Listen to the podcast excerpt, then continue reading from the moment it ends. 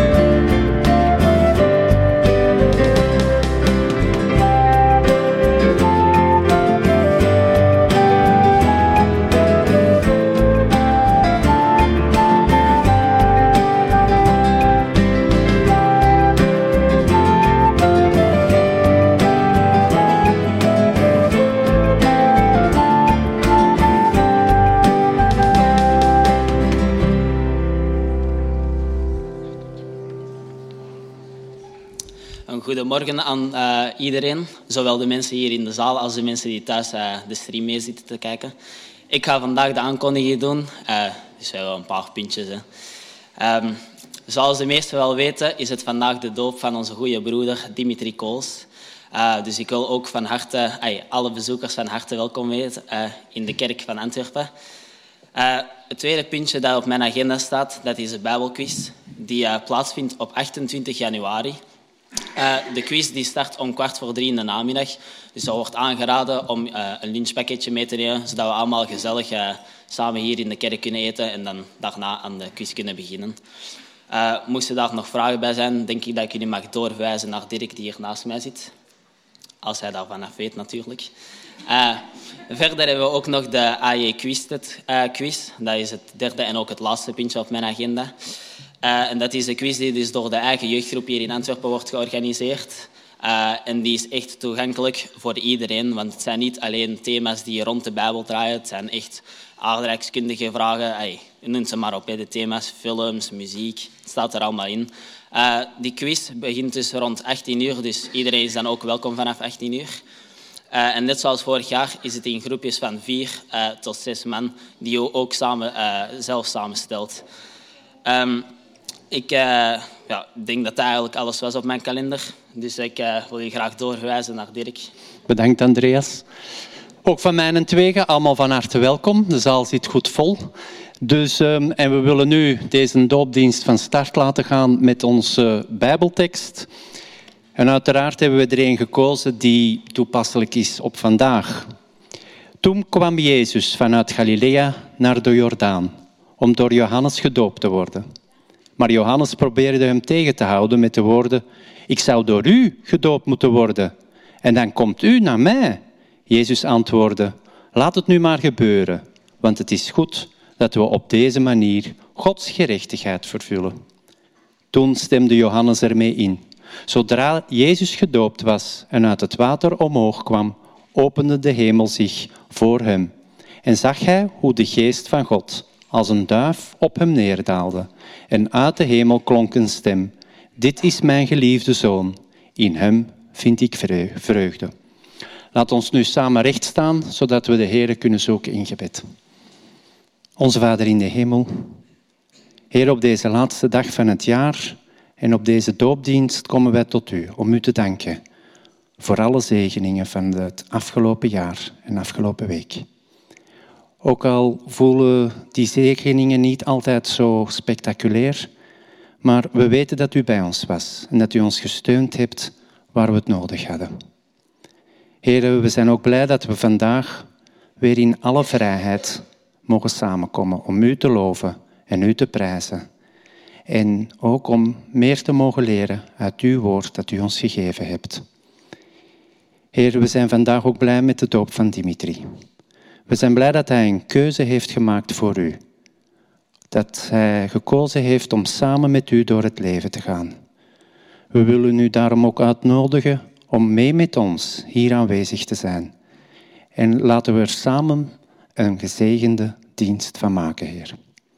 We willen ook vragen om de lippen van Johan te zegenen, zodat hij woorden mag spreken die ons weer mogen opbouwen, die ons kracht mogen geven en die ons ook laten zien, Heer, wie U bent en hoe U zich wilt manifesteren aan ons. Heer, we vragen u ook om bij diegenen te zijn die hier vandaag niet aanwezig kunnen zijn, door ziekte, door vakantie of eenders welke reden, Heer. Maar laat hen weten dat we in gedachten ook bij hen zijn. Willen ook met die mensen zijn die eenzaam zijn, die problemen hebben of die in oorlogsgebied leven, Heer. Willen hen ondersteunen en de kracht geven voor deze moeilijke periode door te komen. Dit alles vragen wij u en danken wij u in de naam van Jezus. Amen. U mag blijven staan en u mag met ons meezingen. We gaan starten met het liedje ehm, U bent mijn vriend. Aansluitend doen we Hij is verheerlijkt.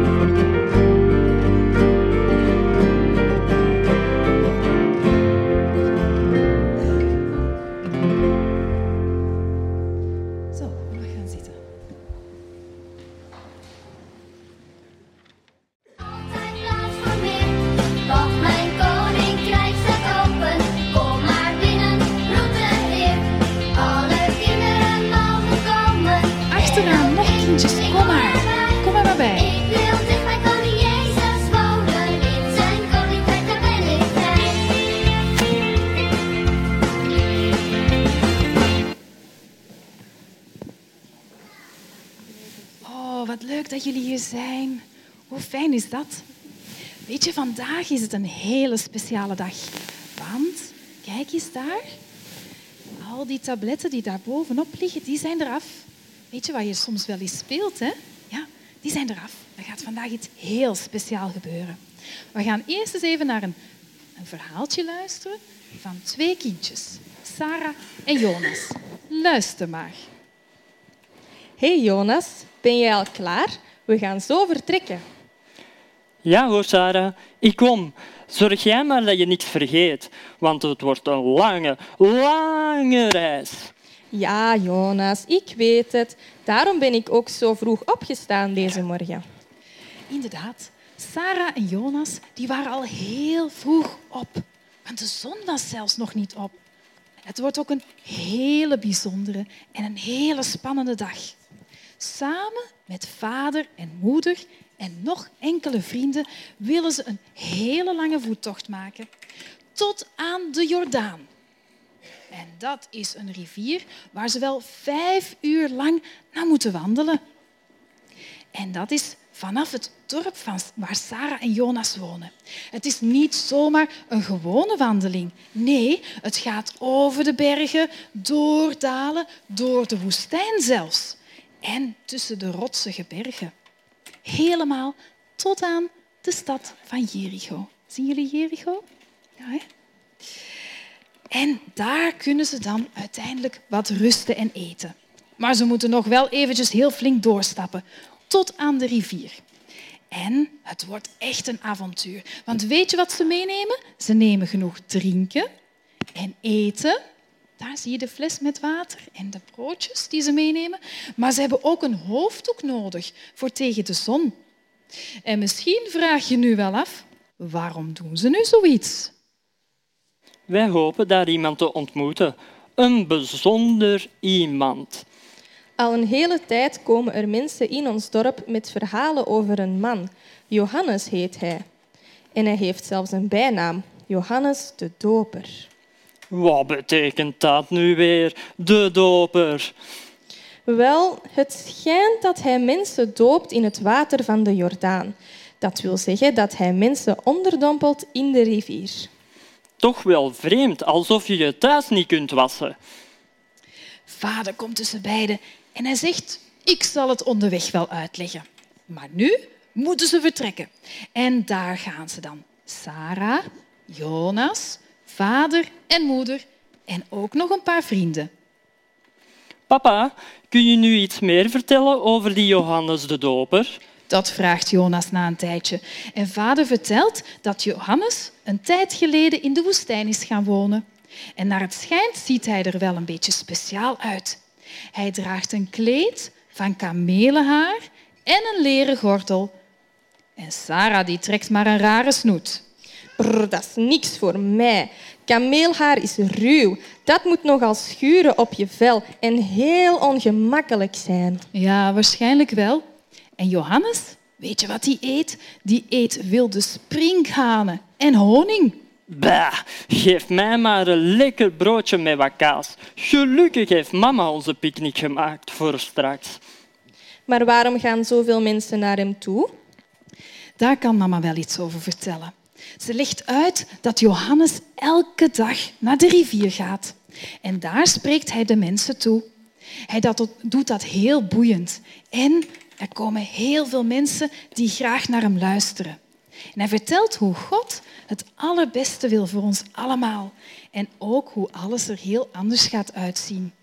Als mensen bereid zijn om anders te denken en anders te leven. Hij vindt dat de mensen veel te weinig geven om elkaar en om God. En hij zegt tegen de mensen dat ze anders moeten gaan leven. Eerlijk, vanuit hun hart. Sarah en Jonas die kunnen zich daar wel iets bij voorstellen. Ze hebben ook al meegemaakt hoe de dingen fout lopen uit boosheid en ruzies en jaloersheid. En soms gebeurt dat ook wel bij hen. Maar uh, hoe zit dat dan met dat dopen?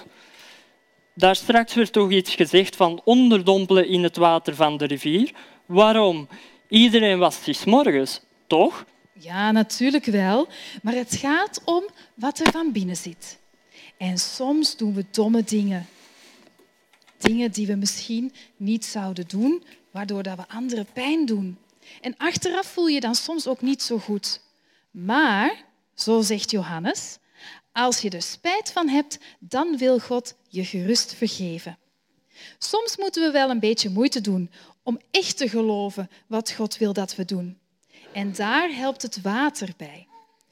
Als je helemaal in het water wordt ondergedompeld en terug naar boven komt, dan is het alsof alles dat fout was van je afgespoeld wordt.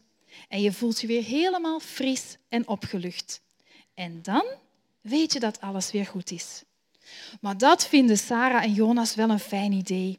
Ze willen echt wel eens zien wat Johannes de Doper allemaal te zeggen heeft en hoe hij dat doet. En wie weet, wie weet, zullen zij ook ooit wel eens in de rivier?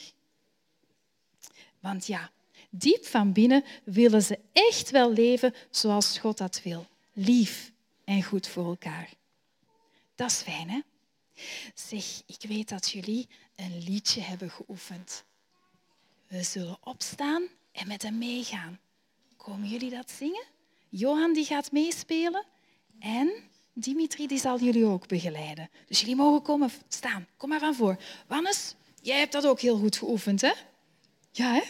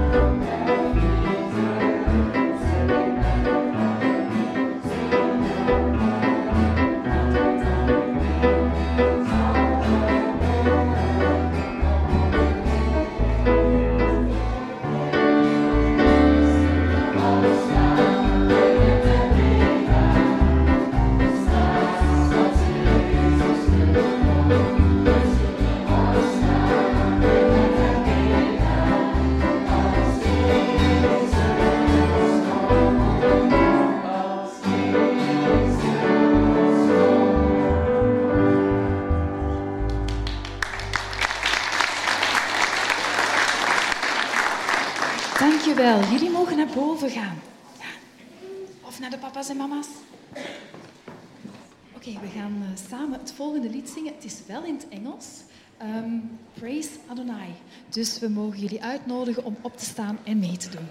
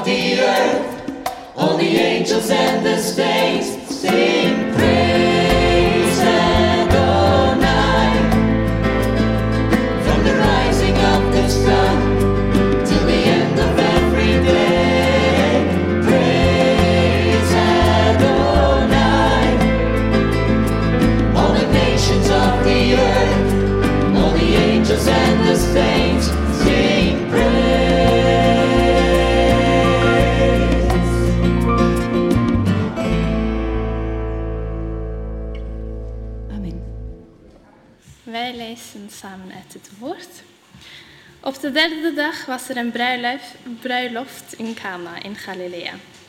De moeder van Jezus was er en ook Jezus en zijn leerlingen waren op de bruiloft uitgenodigd. Toen de wijn bijna op was, zei de moeder van Jezus tegen hem: Ze hebben geen wijn meer.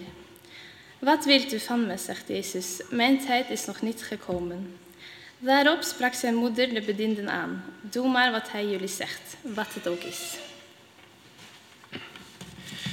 Ik lees jullie verder voor uit Johannes 2, de versen ehm 6 tot en met 11. Nu stonden daar voor het Joodse reinigingsritueel zes stenen watervannen, elk met een inhoud van 2 à 3 metreten. Jezus zei tegen de bedienden, vul de vaten met water. Ze vulden ze tot de rand. Toen zei hij, schep er nu wat uit en breng het naar de ceremoniemeester. Dat deden ze. En de ceremoniemeester het, eh, en toen de ceremoniemeester het water dat wijn geworden was proefde, hij wist niet waar die vandaan kwam, maar de bedienden die het water geschept hadden wisten het wel, riep hij de bruidegom en zei tegen hem, iedereen zet zijn gasten eerst de goede wijn voor en als ze dronken zijn, de minder eh, goede wijn.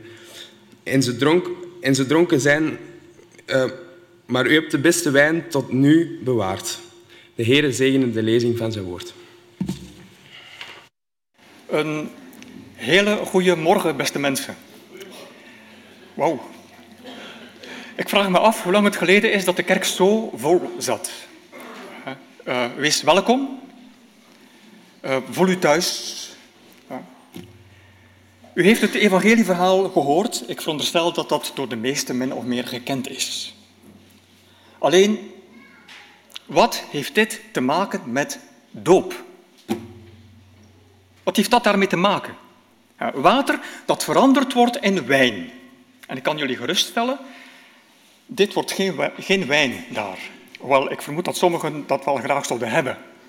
Maar dat water zal niet veranderen in wijn. Het is ook niks magisch, niets wonderbaarlijks. Weet u wat misschien wel een wonder is?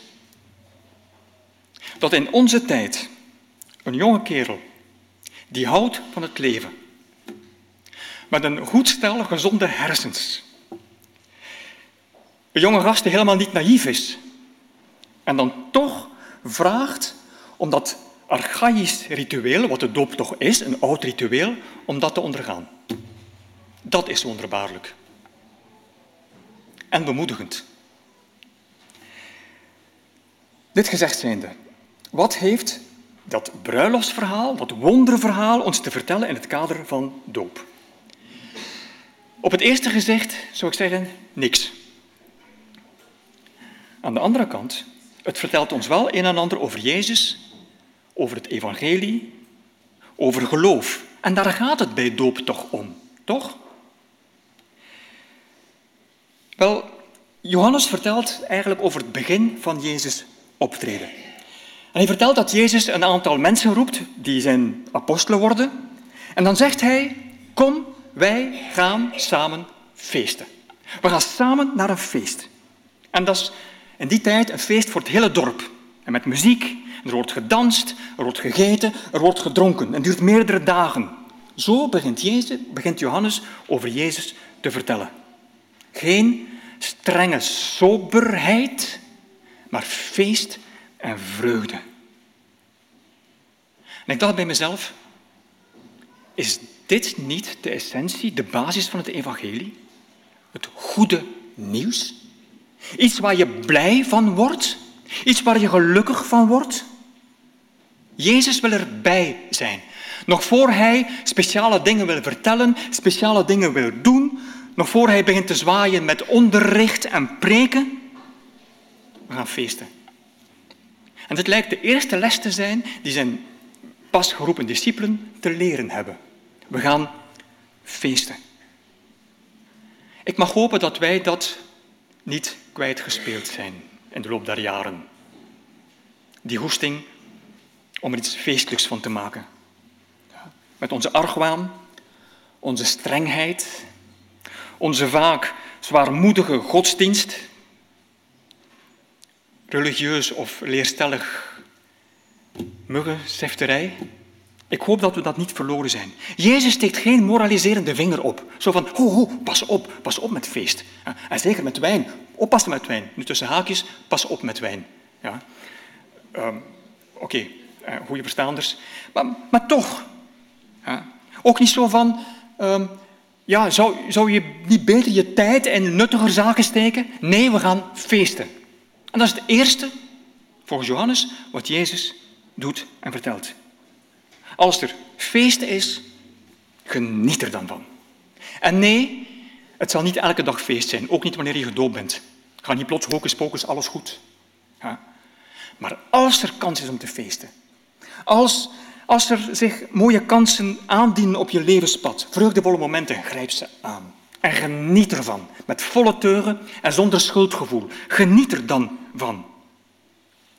U weet waarschijnlijk dat in de Bijbel zowel huwelijk als wijn symbool zijn van een goed, vol en vreugdevol gelukkig leven.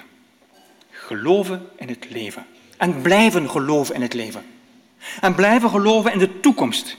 En dankbaar genieten, iedere keer, wanneer dat kan. In het Oude Testament hebben we die oude prediker die dat heel goed begrepen had. In hoofdstuk 9 schrijft hij, eet je brood met vreugde, drink met een vrolijk hartje wijn. God ziet alles wat je doet met welbehagen aan. Dat is iets wat je niet zo vaak hoort in een kerk. God ziet alles wat je doet met welbehagen aan. Een godsbeeld. Nu, toch wil ik één bemerking maken. Ik had daar straks gezegd dat het eerste wat Jezus zegt is, kom, we gaan samen feesten. Maar eigenlijk klopt dat niet. Want er staat dat Jezus was uitgenodigd op een bruiloftsfeest. Hij was uitgenodigd. En wanneer Jezus wordt uitgenodigd, dan gaat hij daar maar al te graag op in. Want dan wil hij erbij zijn. Nu, tussen haakjes is iemand die zich laat dopen niet per definitie iemand die Jezus uitnodigt in zijn leven. Die gekozen heeft om Jezus uit te nodigen. Hem een actieve rol laten spelen. En hoe? Vul maar in. Door te luisteren, door zich te laten inspireren, door volgeling te zijn, dezelfde weg te gaan, door zich te laten meevoeren door dezelfde idealen, begeesterd worden. Dat is een dopeling. Iemand die daarvoor kiest.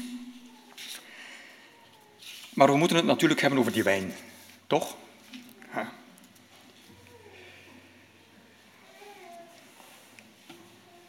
Mijn eerste reactie was, als eerste wonderteken, als eerste teken, verwacht je toch iets anders dan wijn. Want je moet mij niet vertellen dat wijn nu echt hoog nodig is. Ik bedoel, zonder wijn zouden de gasten niet omkomen van dorst. Er was water genoeg. Niet levensnoodzakelijk. Je, je verwacht brood en water, symbool van het levensnoodzakelijke. Je verwacht gezondheid, je verwacht leven. Want de wijn die opbraakt is echt niet levensbedreigend. Alleen het feest kwam in het gedrang. De vreugde kwam in het gedrang. Laten wij dat als kerkgemeenschap nooit vergeten. Dat Jezus feest en vreugde belangrijk genoeg vond om er zijn eerste teken voor te doen. Zijn eerste teken. Nu, nog altijd die wijn. Het mooie in het verhaal is dat er twee keer sprake is van wijn. Goede wijn en nog betere wijn. Twee keer wijn. Een eerste keer wijn van de bruiloft. Nu, sowieso als wijn symbool van, van vreugde, van levensgeluk. En de gasten waren daar blij mee. Daar waren ze blij mee.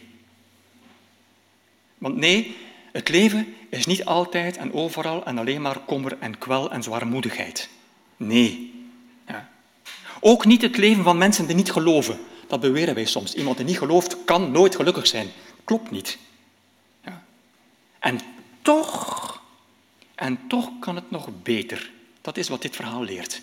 Nog betere wijn. Nu, we weten sowieso dat die eerste wijn kan opraken. En ja, dan is er een gemis. Dan mis je iets. Vreugde en geluk kunnen betrekkelijk zijn. Mensen die al iets ouder geworden zijn, zoals ik en zoals anderen in de zaal, die weten dat maar al te goed. Het leven gaat heel snel voorbij. En met de jaren, met de leeftijd, komen ook andere ongemakken erbij. En dan besef je dat er toch iets meer is dan. Maar ook jongeren kunnen dat ervaren. Ontgoochelingen. Angst. Dingen die tegenzitten. Momenten van onzekerheid, momenten van verdriet, eenzaamheid, gepest worden. En dan spreken we nog niet over al die verleidingen die, waaraan jongeren blootstaan. Het is niet altijd makkelijk. Het is niet ook altijd even makkelijk om als puber, als adolescent of als jong volwassene door het leven te gaan. Niet altijd even makkelijk.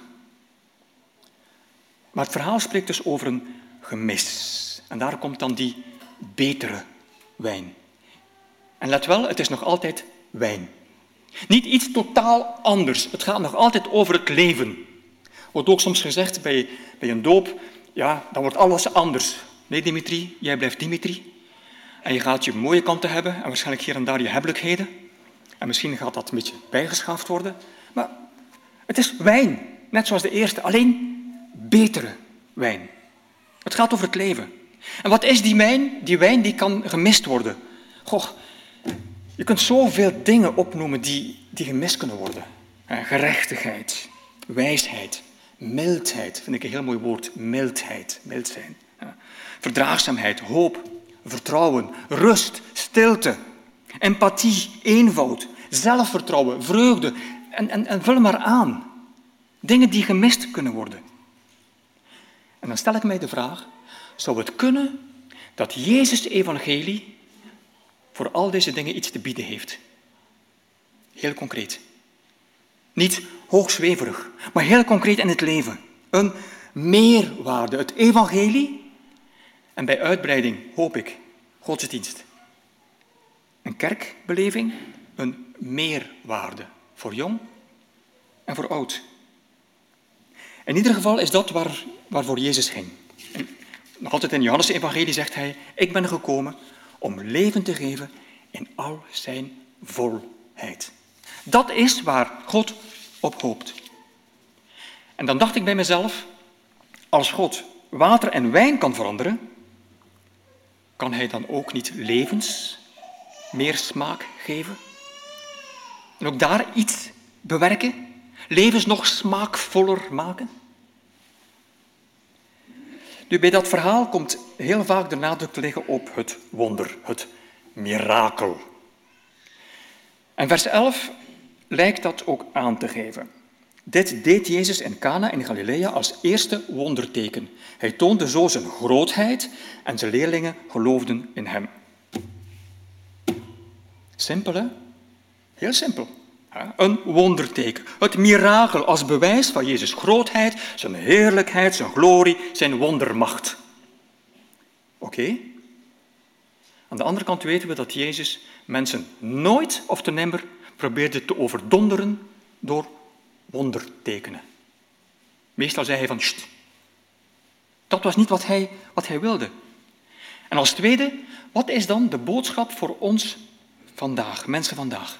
Weet u, er zijn heel wat plaatsen op aarde waar er nog amper drinkwater is. Laat staan water om te veranderen in wijn. En, en, en dat is er niet. Er zijn zoveel dingen die een wondermacht zou kunnen doen, zou moeten doen. En het gebeurt niet. Zitten we dan vast? Nee. Ik heb dan de gewoonte om naar de Bijbeltaal te kijken. En ik wil gewoon even drie woorden eh, snel bekijken. Het eerste, dat teken, wonderteken. Er wordt vertaald in verschillende versies teken, wonderteken, wonder. Semeion, een teken, een kenmerk, ook een getuigenis dat aangeeft op welke manier iemand of iets anders is. Was Jezus anders? Is een gelovige anders? En op welke manier was Jezus anders? Het werkwoord semaino betekent een teken geven, iets aangeven en ook betekenis geven. En dan besef je, hé, hey, wat daar gebeurt, is iets wat ons moet laten nadenken. Zoeken naar zin, naar betekenis. Het tweede woord is die grootheid of die glorie in andere vertaling. Van dokio, het werkwoord een opinie hebben, denken. Dus vandaar een opinie, visie, oordeel. En gaat het om een positieve opinie, een positief oordeel, dan kom je uit bij glorie, grootheid, uitmuntendheid. En het derde woord, zijn discipelen geloofden, geloven, pistuo. Ja. Dus eigenlijk overtuigd zijn dat het goed of waar is. En dan vertrouwen hebben. Als je overtuigd bent dat het goed en waar is, dan heb je vertrouwen. En als je die drie woorden samenvoegt, dan kom je bij iets zoals dit. Johannes wil duidelijk maken dat de discipelen Jezus geloven, dat ze hem hun vertrouwen schenken. Omdat het hele gebeuren in Cana toont dat Jezus anders is. Anders dan wat ze gewoon waren. Dat hij goed en waar is. Dat Jezus situaties anders bekijkt. Dat Jezus mensen anders bekijkt. Dat Jezus anders in het leven staat en anders handelt. Anders. Jezus is anders. En tussen haakjes, dit is iets wat andere evangelisten ook aangeven. Gewoon eentje bij Marcus. Ja, nee, eerst nog dit. Ehm, dat anders zijn is precies wat Jezus ook vraagt van zijn volgelingen. Bekeer u. Bij ons is dat een heel zwaar woord. Metanoia, anders denken. Een nieuwe manier van denken. Een andere mentaliteit. Anders in het leven staan. Wat Jezus is, vraagt hij ook aan zijn volgelingen. Jezus is anders. En dus ook Marcus gaf dat aan. Helemaal in het begin van zijn evangelie, Jezus komt in de synagoge en de mensen zeggen van wauw, een nieuwe leer met gezag. Anders dan de schriftgeleerde. Het woordje nieuw, nieuw, fris, niet versleten. Vind ik heel betekenisvol. Niet versleten. En gezag, wij denken dan aan autoriteit. Ik sta hier heel hoog, dus ik heb hier autoriteit. Ja. Dat is een grapje, hè. Ik sta hier niet graag zo hoog. Ze weten dat, maar ze willen nog altijd geen voorpodium bouwen. Oké, dit gezegd zijnde. Ja. Exousia is ex los van. En dan kun je denken, los van wat mensen gewoon zijn. Los van al die regels en tradities en wetten. Los van. Nieuw en los van. Jezus laat zich niet opsluiten in een instituut. En Dimitri, een dopeling, doet dat ook niet. Die laat zich niet opsluiten. Nu, hoe was Jezus anders? Waarin was hij anders? Wel, als we verder gaan bij Marcus, dan zien we dat de volgende pericopen daar allemaal een illustratie van zijn, een, een voorbeeld. Hij, Jezus gaat mensen verzorgen en helen. Hij gaat untouchables, onaanraakbaren, onreinen aanraken. Bilaatse, zieken gaat hij aanraken, wat eigenlijk niet mocht, niet kon. Ja. Mensen die verlamd waren, op wat voor manier dan ook, ook soms door schuldgevoel, ga je terug laten lopen. Ze konden weer vooruit in het leven, oprichten. Mensen die te pas en te onpas het etiket zondaar op, opgeplakt kregen, zoals tollenaars. Want niet alle tollenaars waren slecht. Gaat hij er terug bij halen. Jezus was anders dan de schriftgeleerden, zegt Marcus, de vertegenwoordigers van het instituut. En eigenlijk is het simpel. Bij Jezus waren het de mensen die telden. De nadruk ligt op mensen. Het gaat bij Jezus om mensen. Vooral daar was hij anders. Hij wilde er zijn voor mensen. Hij wilde erbij zijn. En hun vreugde en hun verdriet. Hun leven telt. Ons leven, uw leven telt. Johannes suggereert dat Jezus eigenlijk niet van plan was om iets speciaals te zeggen of te doen. Wanneer zijn moeder met dat probleem komt aandraven, ja, is Jezus heel terughoudend. Hey, ho, ho. Alsof hij niet echt van plan was om dat te doen. Maar wanneer de situatie komt te blokkeren, dan reikt hij de hand. En dan gaat hij ervoor. Dan neemt hij zijn verantwoordelijkheid en reikt een helpende hand. Waarom? Hij wilde niet dat de feestvreugde uitdoofde. Hij wilde niet dat de gastheer in verlegenheid werd gebracht. Want overvloedige gastvrijheid is een heilige plicht, is een heilig principe in het Midden-Oosten, zeker in die tijd. Gewoon de hand reiken daar waar nodig. En misschien is dat veel belangrijker dan het wonder, het mirakel. Want laat dat nu ook iets zijn wat wij allemaal kunnen. De hand reiken daar waar nodig. Daar kunnen wij dat allemaal. Van gelovigen en Dimitri van nieuw gedoopten wordt niks bovenmenselijks, niks uitzonderlijks verwacht. Want wauw, gewoon mens zijn. Onder de mensen, met de mensen. Mens zijn zoals God het van bij de schepping eigenlijk heeft bedoeld. Merk op dat er in de tekst dat er maar weinig mensen zijn die weten of zien wat er eigenlijk gebeurt. Alleen Maria, de moeder van Jezus, de dienstknechten die water scheppen en dan de wijn, en een aantal leerlingen. De gasten zien niks. De ceremoniemeester ziet niks. Zelfs het bruidspaar ziet geen wonderlijk gebeuren. Niks spectaculairs. Geen wauw-effect. Zelfs de wijn ziet er hetzelfde uit. Maar hij smaakt anders. Hij smaakt anders. Een andere intensiteit. Andere smaak. En dat is wat God wil. Gewoon dat het leven meer smaak heeft of krijgt. Voor jou, voor jullie, voor mij, voor de mensen om ons heen. Nu, toegeven, Jezus doet het op een speciale manier. De tekst geeft aan dat er zes vaten gebruikt worden. Niet enkele vaten, maar zes vaten. Jullie weten ondertussen dat in het evangelie niets zomaar geschreven wordt. Ja, meestal zit er wel ergens iets betekenisvol achter, want evangelie is geen krant, geen verslag. Ja. En meestal wordt de symboliek van de getallen ingeroepen. Zes is niet compleet. We vragen naar de zeven. De zeven is compleet. Je zou kunnen verwijzen naar de zes dagen van de schepping. En dat wordt afgemaakt de zevende dag. Met de Sabbat. Ja. Verwijzing naar de schepping, ver gezocht. Ik denk het niet, omdat juist voor ons verhaal, in het begin van het evangelie, spreekt Johannes over, over de schepping. In het begin, schepping, was het woord, het woord was bij God, het woord was God.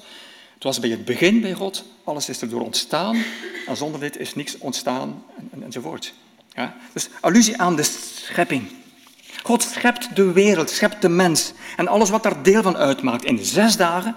En de zevende dag heiligt hij het leven en de wereld, de schepping. God doet niks materieels meer. Hij voegt er niks tastbaars, materieels aan toe.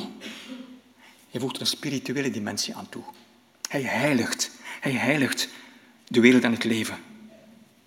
Niks materieels. Want het leven is meer dan wat je kunt zien en voelen. En iemand die ervoor kiest om gedoopt te worden, is iemand die ook dat heeft begrepen. Dat er meer is dan. Schepping was tof. Dat was het. Leven, vreugde en geluk. En was er een gemis? Jawel, de Sabbat. En nee, we gaan dat niet behandelen nu als een leerstellig punt of, als een, of zien als een gehoorzaamheidstest. Zo worden dopelingen helaas soms nog altijd voorbereid en beleerd, zoals wij dan zeggen. Nee, een cadeau. Iets wat God aanreikt om het leven te heiligen, om het smaak te geven, een extra dimensie. Ja. Intensiteit, verdieping, smaak. Metanoia. Anders. Een uitnodiging of een aansporing om meer bezig te zijn met de kwaliteit van de momenten die we beleven, dan met alles wat we kunnen krijgen, wat we willen hebben, wat we willen doen of moeten doen, even afstand nemen. Dingen wat loslaten en zoeken naar kwaliteit, naar verdieping. Metanoia. Net iets anders. En Jezus gebruikt geen tovermiddelen. Die vaten waren daar en er was water voorhanden. En Jezus was er. Maar die tekst geeft aan dat die vaten bedoeld waren voor het reinigingsritueel. Voor een ritueel. Rituele reiniging. We weten dat in die tijd rites nogal plat waren. En afgezaagd en versleten waren. Dat ze verstard waren. Dat ze de diepe betekenis verloren waren. En helaas is dat in onze tijd ook soms nog zo. Zelfs doop kan veel van zijn betekenis verliezen. Ja. En opvallend, Jezus gaat het niet weggooien, gaat het wel gebruiken. En er een sprankelende nieuwe inhoud aan geven. En natuurlijk hadden mensen hun deel. Doe wat hij u zegt, zegt Maria. En wat doen ze? Ze vulden de vaten tot de rand. Hun deel. Maar het is Jezus die ervoor zorgde dat dat platte water, het platte leven, het platte geloofsleven, het platte kerkleven, en vul maar in, heerlijke, fonkelende, sprankelende wijn wordt. Dat het leven nog meer smaak krijgt. Dimitri, dat is alvast iets wat wij jou toewensen. En eigenlijk iedereen. Ja. Vul je leven tot de rand. Vul het tot de rand. Stel je niet tevreden met plat water. Ga ervoor. Leef voluit. En laat wat God kan doen, dan vol vertrouwen over je heen komen. Gewoon. En dan schep, proef, drink, geniet en schenk uit. Deel. Want ook dat maakt daar deel van uit. Ook dat is waar Jezus voor staat. Als ik nu hier een beker zou hebben met plat water of lekkere wijn, zou ik zeggen, lechaim. Op het leven. Amen.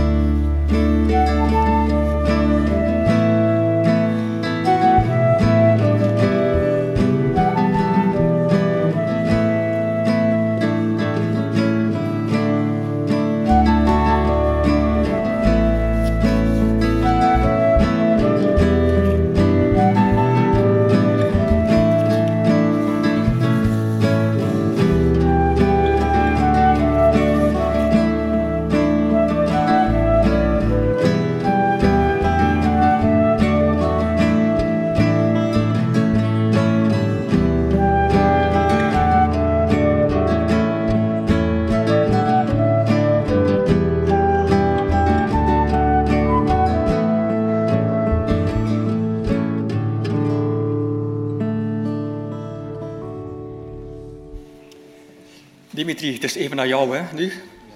Oké. Lukt dat? Ja, perfect. Het doet me echt goed dat ik zoveel gezichten zie. Zoveel mensen dat ik al een hele tijd niet heb gezien, ehm, maar die nooit ver weg zijn geweest. Ehm, het is al een tijdje dat ik al aan het denken ben om mij te laten dopen. En het is eindelijk zover, ik kan me laten dopen. Geen covid, geen omstandigheden meer. Ik kan eindelijk in alle rust mij laten dopen. Ehm, en ik ben echt jullie oprecht dankbaar dat jullie er allemaal zijn, want dat doet me echt enorm veel. En weet je, in mijn eigen leven ehm, heb ik mijn eigen portie van ups en downs, moeilijkheden, problemen allemaal gehad. Ik zie sommige mensen kijken van, oei Dimitri, nee, die is altijd blij, die komt altijd naar de kerk, speelt altijd piano, geen probleem. Die heeft een goed leventje, maar ja, ik moet jullie toch wel teleurstellen. Ik heb mijn eigen ups en downs, ik heb mijn problemen, moeilijkheden. Momenten waar ik zelf, die zo chaotisch voor mij waren, dat ik zelf het bos niet meer door de bomen zag. En om de een of andere reden vond ik een soort van stabiliteit, een soort van rust, een houvast. Ehm, En tegelijkertijd ook een drijfveer om, zoals Johan het heel vaak zegt, uw rug te rechten, op te staan en door te gaan. En van waar dat die stabiliteit en die rust van kwam, Dat is ook de, de reden waarom ik mij laat dopen. En ik ga proberen uit te leggen, kort en bondig, van waar dat ik denk dat die stabiliteit komt. En dat is door drie factoren. En de eerste factor is mijn familie. En daar bedoel ik niet mijn echte familie alleen mee, ook de mensen die heel dicht bij mij staan. De mensen die mij goed kennen, de mensen die, ehm, ja, die mij appreciëren zoals ik ben. Door kleine gebaren, door bijvoorbeeld een knuffel, een, een, een, luisterend oor te zijn, door te ravotten met mijn vader, door met mijn neven op stap te gaan, door met mijn vrienden ergens naartoe te gaan of door er gewoon te zijn, geven zij mij om de een of andere reden rust. En die lasten komen van mijn schouders. Ik weet van, oké, er zijn mensen in mijn leven die mij kennen en waar ik altijd terug naartoe kan gaan. En de tweede factor is mijn kerkfamilie, jullie. Ehm, weer door heel simpele gebaren. Een Paul die glimlacht wanneer hij op de gitaar speelt. Een Benjamin die binnenkomt en die zo blij is om u te zien. Een Andreas die mij plaagt door van boven in de techniek door uh, het microfoontje vals te zingen in mijn oortjes terwijl ik piano speel. Een Kobe die een deug niet uithangt. Zo van die dingen. Dat, dat geeft mij echt het yes-gevoel om elke zaterdag naar de kerk te komen. En dat geeft me een soort van rust. Weer, dat is mijn tweede factor. En mijn derde factor, en ja, ik heb mijn papiertje nu niet gebruikt, daar heb ik het minste over geschreven, maar is wel het belangrijkste voor mij, het meest constant. En dat is God. Um, als ik om de een of andere reden mijn kerkfamilie of mijn familie niet had, dan was er altijd iemand die er was en die mij beter begreep dan wie dan ook. En dat was God. En misschien is God ook wel degene die de eerste twee factoren in mijn leven heeft gezet. Um, en op die manier geeft Hij me ook rust. Dus drie factoren die mij stabiliteit en rust hebben gegeven. En vandaar de keuze die ik vandaag maak.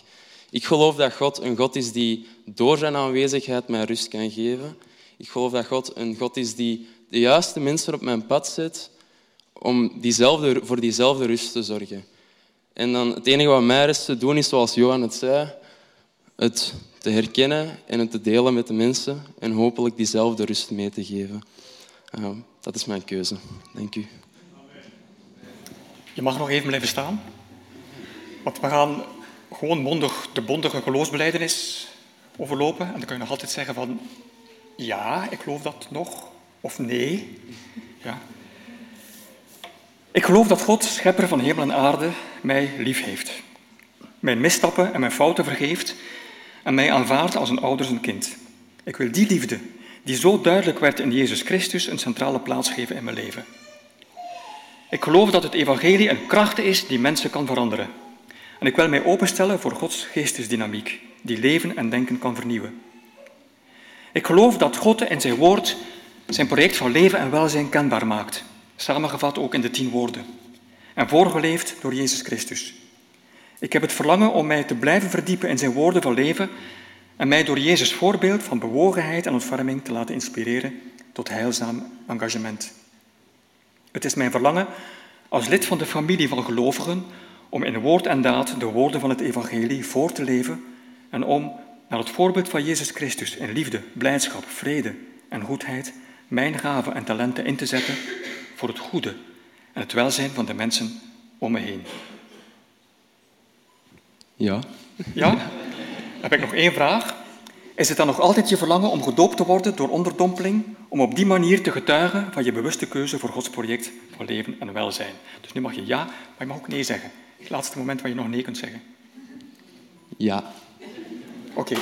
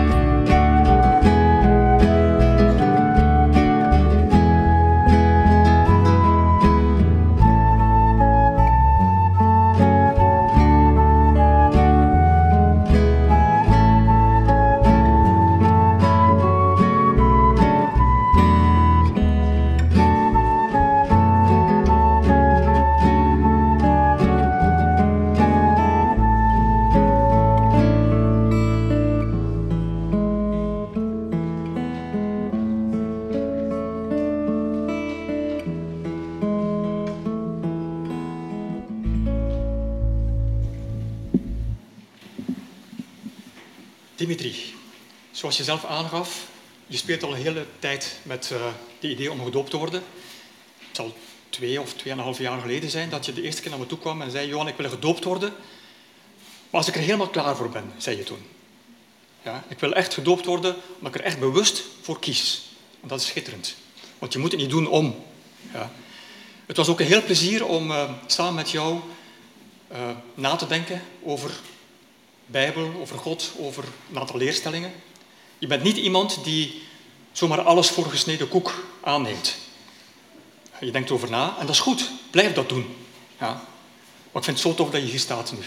En dat ik de eer heb om hier met jou te staan. Ik ook. Ik vind het uh, heel tof. Op uh,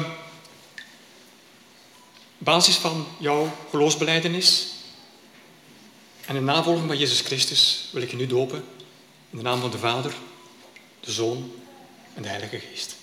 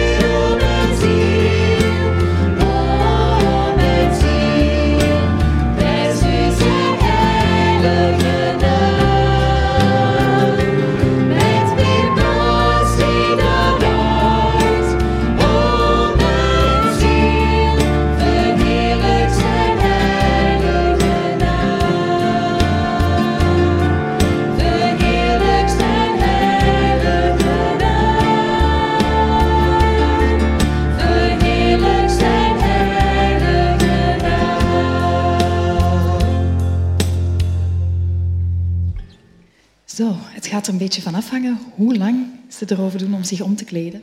Hoeveel liederen wij gaan zingen. Nu, jullie mogen blijven zitten, wees maar gerust.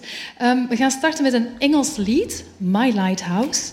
En we hopen ook dat u in die teksten um, ja, de kracht en, en, en de moed vindt om God als uw lichthuis te zien. Om als een leidraad te zien in uw leven. Dus My Lighthouse.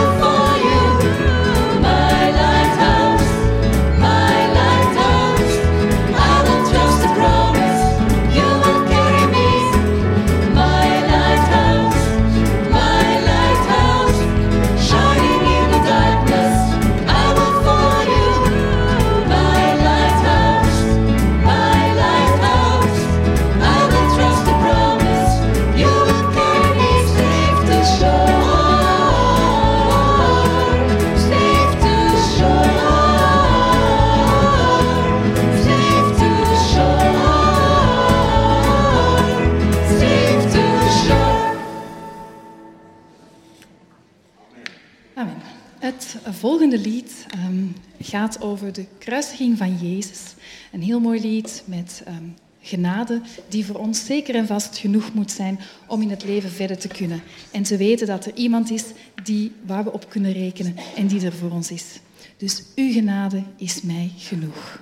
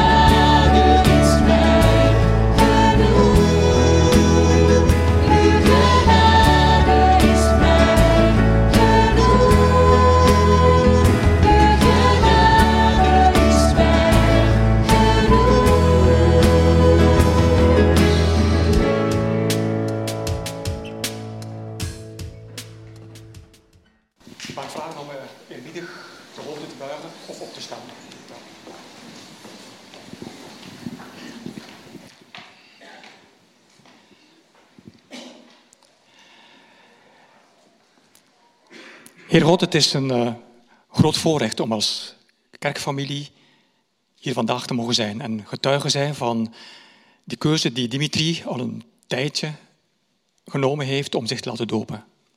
Om als jonge kerel voluit te gaan voor het leven, maar zich daarbij te laten inspireren door, door u en door, door Jezus Christus. Vader, mocht je inderdaad zijn leven tot de rand toe kunnen vullen en daar voluit voor gaan. Maar mocht hij tegelijkertijd daardoor die, die inspiratie niet verliezen. Inspiratie om met wijsheid keuzes te maken in het leven. Het leven is niet altijd even makkelijk voor niemand. En u weet beter dan wie ook hoe ingewikkeld het soms kan zijn. En soms is het niet eens kiezen tussen goed en kwaad, maar tussen beter, minder slecht. Vader mocht eh, Dimitri wijsheid ontvangen. En moed om er dan ook voluit voor te gaan. Mocht hij blijven geloven in een leven dat niet plat is. Een leven, een geloofsleven, een kerkleven, later een gezinsleven dat niet plat is, maar sprankelend, deugddoend. En iets wat hemzelf en de mensen om hem heen blij en gelukkig maakt. En vader, mocht hij volop genieten van de zonnedagen. En wanneer het moeilijker gaat, mocht hij zich dan de woorden herinneren die Jezus zo vaak zei. Ashrei, sta op, richt je op, richt je rug en ga er weer voor. Ik ben bij jou tot het einde van de wereld. Vader, mocht uw geesteswind door zijn leven, door zijn hart, door zijn hoofd waaien. En dat verfrissen. Mocht dat tot zegen zijn van hemzelf en van iedereen die hem lief heeft. En vader, voor ons als kerkfamilie, wij willen ons engageren om Dimitri, maar ook alle jonge lui hier in de kerk te omringen met onze sympathie, onze warmte, onze vriendschap, onze liefde. Zegen ons allen. Amen.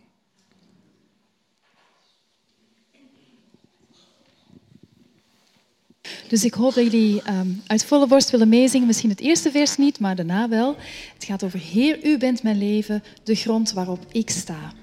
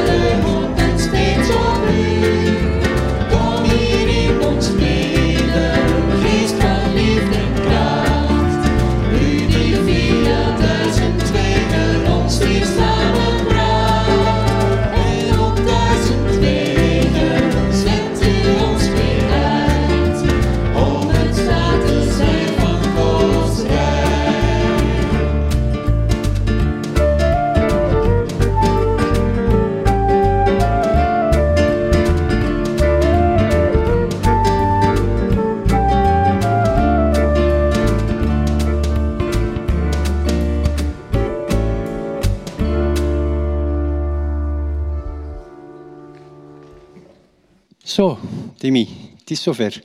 Ja, wij staan hier nu van voor. Zoals Johan het ook al heeft gezegd, ik weet niet of jij het hebt gezegd. Je beslissing om gedoopt te worden, dat is al van een paar jaar geleden. Eh, nee. dat moet ik mijn aanpassen. Uh, maar onder andere door COVID en andere redenen is dat een paar keer uitgesteld geworden. En uiteindelijk heb je gekozen voor de laatste dag van het jaar. Ja. Um, en om je beslissing dan ook kenbaar te maken, dat je je weg wilt gaan met God en dat je die niet alleen wilt afleggen. Je hebt je doop al achter de rug, je bent ondergedompeld en nu ontbreekt alleen nog een stukje officieel stukje waarbij je opgenomen wordt in de gemeente als lid.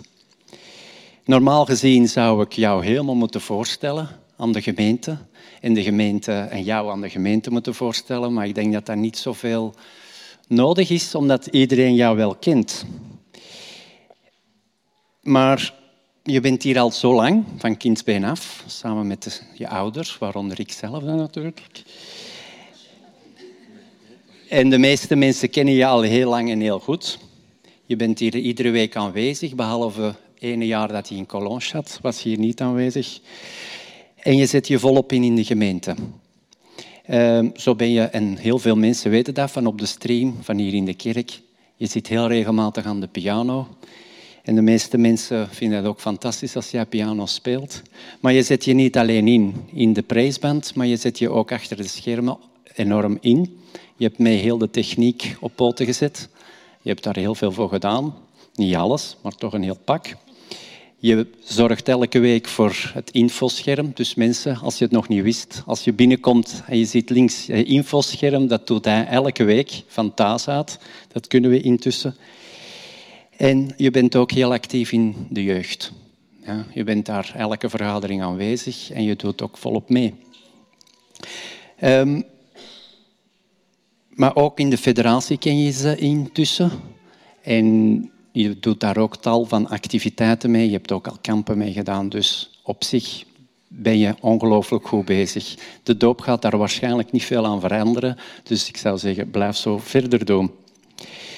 Natuurlijk, het is niet alleen wat je doet, maar het is ook hoofdzakelijk wat je geloofsleven inhoudt. Je bent geëvolueerd in je geloof. Je hebt de laatste jaren met heel veel mensen gepraat, dat weet ik. En dat vind ik goed. Heb ik altijd gezegd. Niet alleen naar mama en papa luisteren, maar naar heel veel andere mensen. Je hebt je, ik weet, je Bijbel regelmatig bestudeerd, stukken bestudeerd. En je hebt ook een jaar in Cologne gezeten. En dat heeft natuurlijk ook een heel grote invloed gehad op je geloofsleven. Dus deze doop was eigenlijk meer dan een logisch gevolg van al wat je ervoor hebt gedaan voor je geloof. Um, nu wil je dat je aan de gemeente een beetje hebben voorgesteld. Ja. Uh, aan de, de gemeente moet ik jou niet voorstellen. Dan zou ik even vragen om naast mij te komen staan.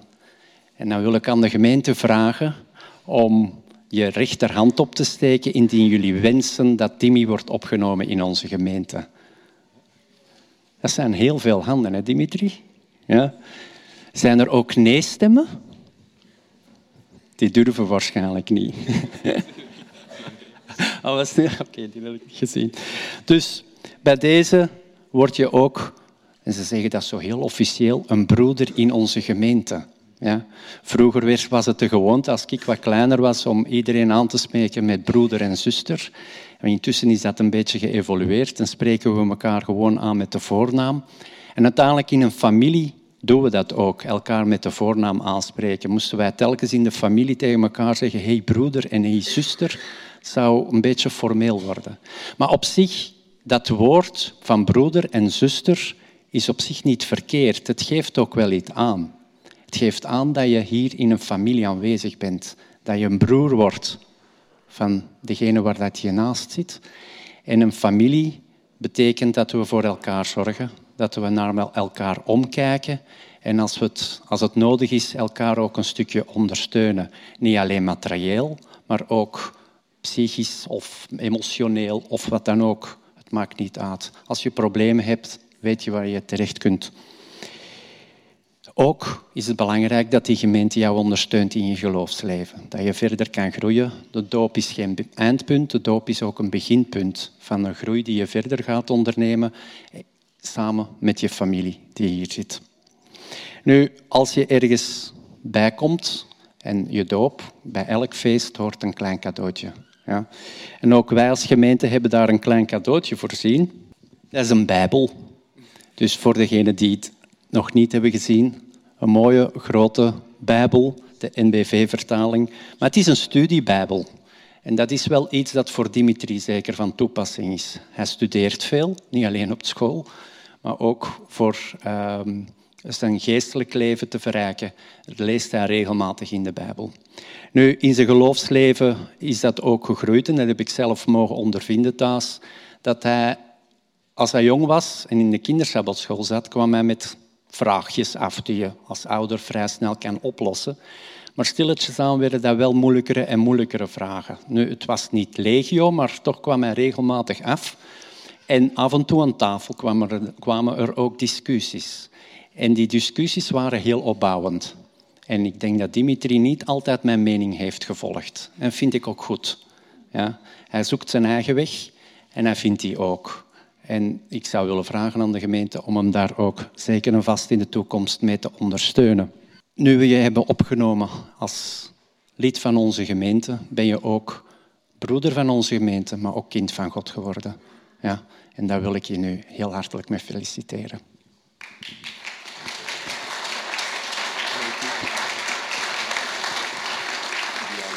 Wacht, wacht, wacht, wacht. wacht. Ik heb nog iets. Ik was er straks zelf iets vergeten. Met zoveel volk dat hier aanwezig is, heb ik me een beetje moeten reppen voor iedereen een stoel te geven. En was ik Johan vergeten in het doopvond. Mijn excuses, Johan. Ah ja, was het ook vergeten. Oké, dan waren we met twee. Maar we hebben ook een dooptekst uitgekozen voor Dimitri. En normaal lezen we die voor als hij gedoopt wordt. Maar goed, je krijgt hem nu. We vinden die dooptekst in Prediker 11, de versen 7 tot 10. Wat is het licht van de zon heerlijk? Wat is het leven goed? Hoe lang je ook mag leven, geniet van elke dag. Bedenk wel dat er ook donkere dagen kunnen komen en dat zoveel dingen betrekkelijk zijn.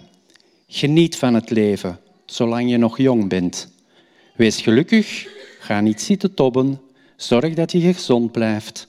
Doe wat je hart je zegt. Kijk goed om je heen. Vergeet daarbij niet dat je het voor God moet verantwoorden. Een hele fijne tekst aan jou op het lijf geschreven, denk ik. Ja? Ik heb hier je Bijbel en ook je doopcertificaat.